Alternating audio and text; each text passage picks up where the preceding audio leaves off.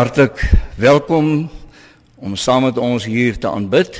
Ons verwelkom in besonder die mense wat deur RSG by ons ingeskakel is en ook die mense wat via die internet ingeskakel is. Ons gee kortliks soos versoek 'n kort oorsig oor die gemeente. Die Gereformeerde Kerk Waterkloofrand het ontstaan in 1963.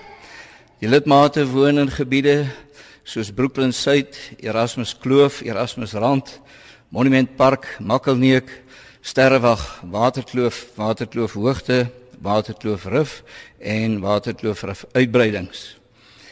As ek een of enkele saakie dan net kan uitlig oor die gemeente, vir ons is die uitdra van die evangelie aan ander ook baie belangrik.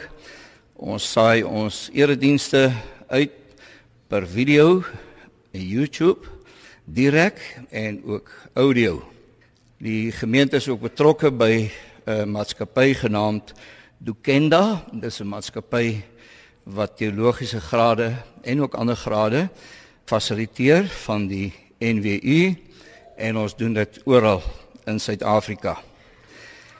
Nou ons uh, tema vir vanoggend se prediking is kort bemoedig om aan ander te kan uitdeel. Kom ons begin en ons spreek ons vertroue in die Here uit. Ons hulp is in die naam van die Here wat die hemel en die aarde gemaak het en wat getrou bly tot in ewigheid. Geliefdes, genade vir u en vrede van God ons Vader en die Here Jesus Christus deur die kragtige werk van die Heilige Gees. Amen. Ons gaan nou gemeente Psalm 9, ons lofpsalm Psalm 9 vers 1, 7 en 8. Daarna bely ons ons geloof en dan gaan ons dadelik oor tot verootmoediging vanoggend dan nou nie deur die wet voor te hou nie, maar deur die sing van Psalm 4 die derde vers. So eers Psalm 9, dan die geloofsbelijdenis en dan verootmoediging deur die sing van Psalm 4 vers 3.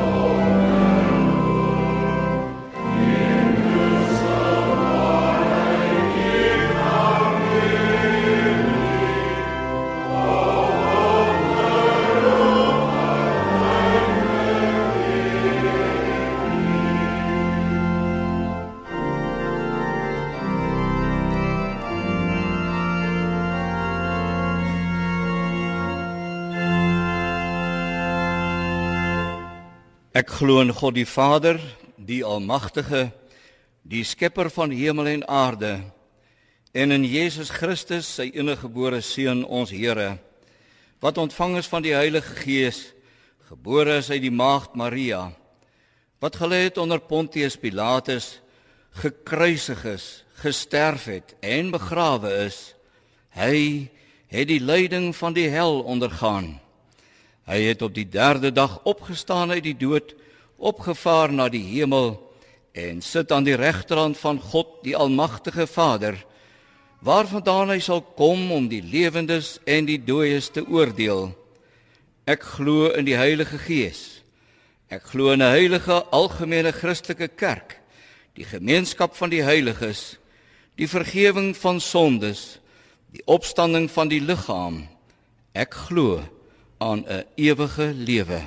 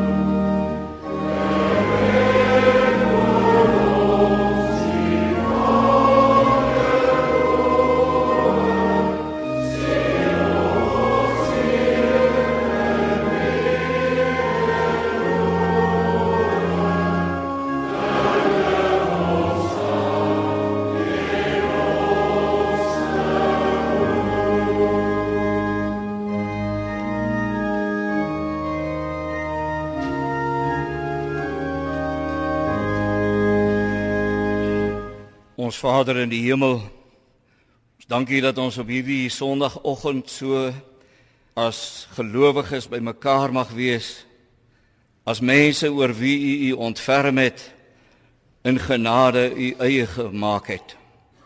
Ons dankie dat ons openlik kon bely, eerlik uit ons harte kan sê in wie ons glo.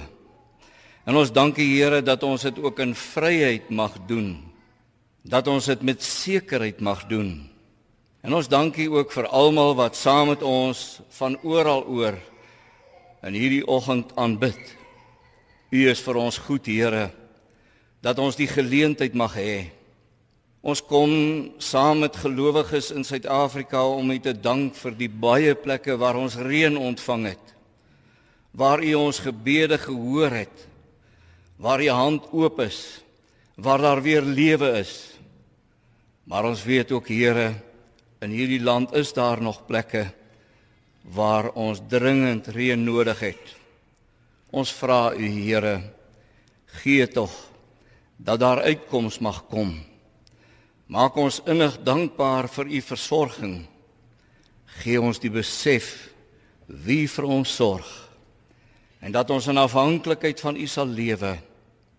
Ons wil bid Vader waar ons nou U woord gaan lees en bedien. Versterk ons. Gee vir ons koers vermaan ons. Maar Here lei ons deur u woord dat ons nie net hoorders sal wees nie. Ja dat ons goeie hoorders sal wees mense wat inneem maar dat ons ook daders sal wees van u woord. Ons bid in besonder vir hulle wat swaar kry in hierdie gemeente maar ook elders. Hulle wat saam met ons ook nou aanbid Ons dra elkeen aan u besondere sorg op. U ken u kinders by die naam. U ken ons nood. U ken ook Here ons blydskap en ons dankbaarheid en ons voorspoed. Ons buig in diepe dankbaarheid voor u. Seën ons in hierdie oomblikke saam. Ons bid dit om Jesus ontwil. Amen. In die woord van God lees ons vanoggend uit 2 Korintiërs hoofstuk 1 vers 3 tot 11. Aan God die Vader van ons Here Jesus Christus kom al die lof toe. Hy is die Vader wat hom ontferm en die God wat in elke omstandigheid moed gee. In elke moeilikheid bemoedig hy ons. Daarom kan ons ook ander bemoedig wat in allerlei moeilikhede verkeer. Ons kan hulle bemoedig met dieselfde bemoediging waarmee God ons bemoedig. Want net soos daar vir ons 'n oorvloed van lyding is ter wille van Christus, is daar ook vir ons 'n oorvloed van bemoediging deur Christus. As ons dus in beproewing kom, is dit dat julle bemoedig en gered kan word. As ons bemoedig word, is dit om julle te bemoedig en te versterk, sodat julle wat dieselfde lyding kan verduur wat ons ook verduur. En wat julle betref, het ons 'n vaste verwagting. Ons weet dat net soos julle saam met ons deel het aan die lyding, julle ook aan die bemoediging deel het. Ons wil hê broers dat julle moet weet van die moeilikhede wat ons in die provinsie Asië ondervind het. Die swaar wat ons moes verduur, het ver bo ons kragte gegaan, sodat ons selfs die hoop om te bly lewe laat vaar het. Trouwens, dit het vir ons gevoel asof die doodsvonnis klaar oor ons uitgespreek is. Maar dit het gebeur sodat ons nie op onsself sou vertrou nie, maar op God wat die dooies opwek tot die lewe. Dit is hy wat ons uit so 'n groot doodsgevaar gered het en ons weer sal red. Op hom is ons hoop gefestig. Hy sal ons verder red. Daartoe werk julle mee deur vir ons te bid. So sal die gebede van baie 'n seën van God vir ons bring en dan sal baie hom vir ons dank. Ons neem as teksvers vanoggend die Eerste deel van vers 4a. In elke moeilikheid bemoedig hy ons. Daarom kan ons ook ander bemoedig wat in allerlei moeilikhede verkeer. Geliefde broer en suster in ons Here Jesus Christus.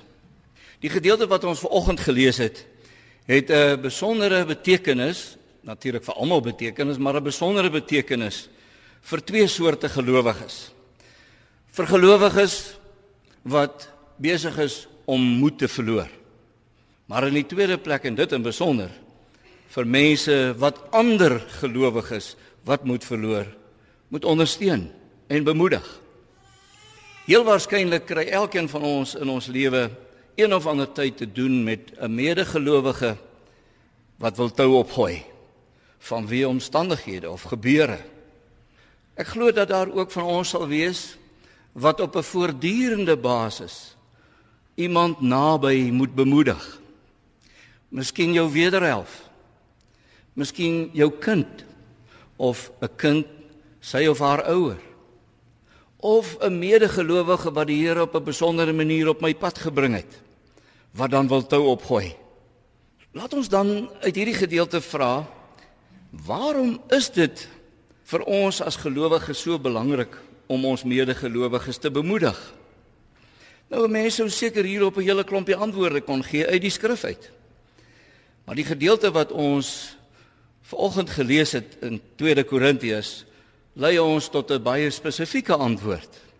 En dit is deur my bemoediging maak ek my medegelowige bekwam.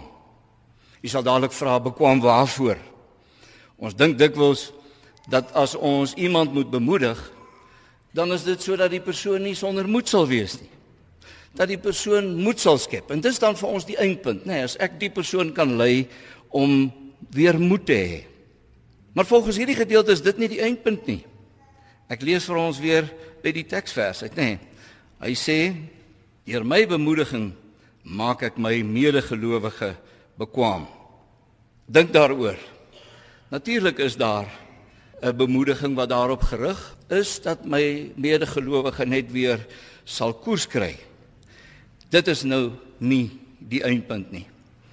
Ons sê deur my bemoediging moet ek my medegelowige bekwam maak. Ja, dit is moontlik dat daar sekere vereistes is, nê? Nee, as 'n mens nou hierdie gedeelte baie goed lees, dan is daar eintlik baie duidelike vereistes daarvoor dat ek my medegelowige moet kan bemoedig. Nou hy sê sodat ons hulle wat in allerlei verdrukkings verkeer kan bemoedig. Maar sê ons daar's duidelike voorvereistes hiervoor om iemand te kan bemoedig. Eerstens moet ek my medegelowige bemoedig sodat hy bekwam sal wees. Ervare sal wees in wat? Ervare sal wees in die vermoë om te ontvang van God wat sy kinders bemoedig. Ons sê ervaring is die belangrike. Ek moet ervaar wees. Maar dan nie ervare om te kan bemoedig nie, maar ervare om te kan ontvang. Ons moet ander bemoedig met die bemoediging waarmee God ons bemoedig. Dit is die ervaring wat ons nodig het. Eers as jy weet wat dit is om te ontvang van God af, self bemoedig te word, eers dan kan jy ander bemoedig. Maar die vraag is waar sal ek hierdie bemoediging ontvang? In vers 3 word 'n bron van oorvloedige bemoediging vir ons uitgespel. Ek wil graag weer vir u vers 3 lees. Hier staan lofwaardig is die God en Vader van ons Here Jesus Christus, die Vader van barmhartigheid en die God van alle bemoediging. Hoor jy hoe word God genoem hier? Hy sê God is die God van alle bemoediging. Nou die woordjie alle wys daarop, hy's eintlik die enigste bron van ware bemoediging. Jy weet geliefdes, baie keer kla ons daaroor as ons so swaar kry onder die las van om iemand te bemoedig. Baie keer voel dit vir ons asof ek het niks meer om te gee nie. Ek voel leeg. Laat ons daarom vra, hoe ontvang 'n mens van God bemoediging? En nou wil ek twee sake uitlig. Uit vers 3 eerstens die God van bemoediging is ook die vader van ontferming. Nou die woord ontferming hier is baie belangrik. Dit sê eerstens hy's 'n vader wat regtig omgee. Hy's 'n vader wat opregte deernis en begrip het vir ons in ons swakheid.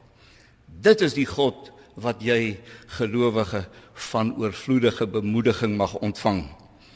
Om aan jou verdrukking van hom te ontvang, moet jy hom natuurlik dan so ken Jy moet regtig weet dat hy omgee.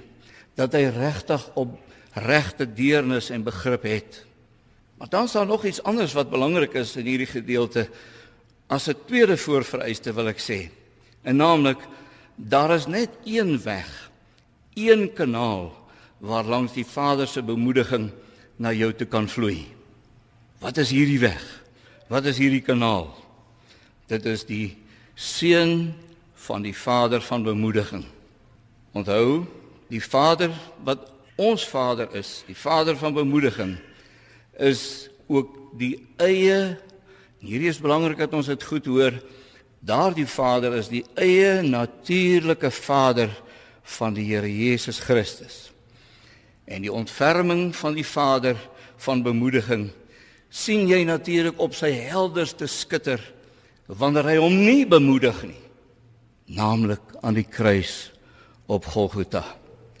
Daar waar hy aan sy eie natuurlike seun wat gewillig onder die oordeel ingestap het ter wille van ons hom nie ontferm nie maar die oordeel oor hom uitstort sodat hy vir my die vader van ontferming kan word 'n vader by wie ek naby kan lewe deur sy seun En as u dan van daardie mense is wat werklik soms voel maar ek is leeg. Ek kan nie meer gee nie. Ek kan nie meer hierdie persoon dra in sy of haar geloof nie. Leef naby aan hierdie Vader want deur sy seun is dit moontlik dat van hom af bemoediging na jou toe kan vloei. Maar wat kan ons sê van hierdie bemoediging wat ons van die Vader ontvang en wat ons aan ander kan uitdeel? Hoe lyk hierdie bemoediging wat ek kry en uitdeel? Eerstens wil ek sê dat hierdie bemoediging kragtige bemoediging is. En daarom kan ek ook kragtige bemoediging uitdeel. Mense sou 'n hele klomp plekke uit die skrif uit dit kan aantoon. Maar in besonder in hierdie gedeelte nie waar nie. As 'n mens kyk in vers 9, dan sê Paulus oor wat hy onlangs beleef het en jy het dit gehoor toe ons dit gelees het. Dit het vir ons gevoel asof die doodsvonnis klaar oor ons uitgespreek is. Maar dan voeg hy by: Maar dit het gebeur sodat ons nie op onsself sou vertrou nie, maar op God wat die dooies opwek tot die lewe. U sien, die bemoediging wat ons ontvang lei ons tot vertroue in God. En dan spesifiek staan hier die God wat dooies uit die lewe opgewek het. Die God wie se seun deur die werking van die Heilige Gees met krag die kake van die dood oopgebreek het. Van God af ontvang ek krag en daarom gee dit vir my uitsig. Moet hê beteken eintlik om uitsig te hê op iemand, op God, die een wat selfs oor die dood heers. Maar in die tweede plek, ons kan sê die bemoediging wat ek ontvang en uitdeel bied soms uitredding, nie waar nie? Hierdie gedeelte hier in vers 8 tot 11 sê dat Paulus was gered. Dit is so, né? As ons mense bemoedig, is dit baie keer dat hulle net 'n ruk staande moet bly want daar's lig voor. Maar ons kan ook sê bemoediging is nie noodwendig dit nie. Soms is daar nie lig voor nie. Soms is die saak so dat anders as wat met Paulus gebeur het, en dit sê hy van homself ook, en dit is ook waarskynlik hoe hy tot sy einde gekom het dat daar nie meer hoop was in die sin van gered word nie. Soms moet 'n mens dus mense in hulle omstandighede bemoedig. En dis wat God ook doen met krag bemoedig hy my. En so moet ons ook wanneer ons mense bemoedig ook dit uitmaak. Ons moenie dink dat as ek vir iemand nie kan sê hier is 'n moontlikheid vorentoe, nou kan ek niks vir die persoon doen nie. Nog steeds binne in my omstandighede kan ek met die bemoediging wat ek van God ontvang dit uitdeel. Maar dan in die derde plek Bemoediging wat ek uitdeel moet altyd bemoediging vanaf die enigste ware bron wees. Ek weet mos nou self wat dit is. As ek dan ervare is, ervare in die ontvang, dan weet ek mos self wat dit is. Dis die enigste bron wat soms vir my moet gee. Daar's niks anders wat my bemoedig nie, net hy. Nee, soos wat Job ervaar het en as 'n mens Habakuk lees, aangrypend wat Habakuk ook uiteindelik ontdek en duidelik maak dat God die enigste bron is.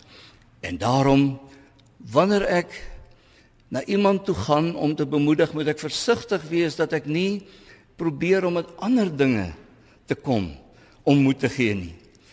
Dit help nie om daarop gemik te wees dat die persoon sal sê ja nou voel ek 'n bietjie beter nie. Daar moet 'n werklike ingreep in die persoon se lewe kom deurdat die perspektief verander.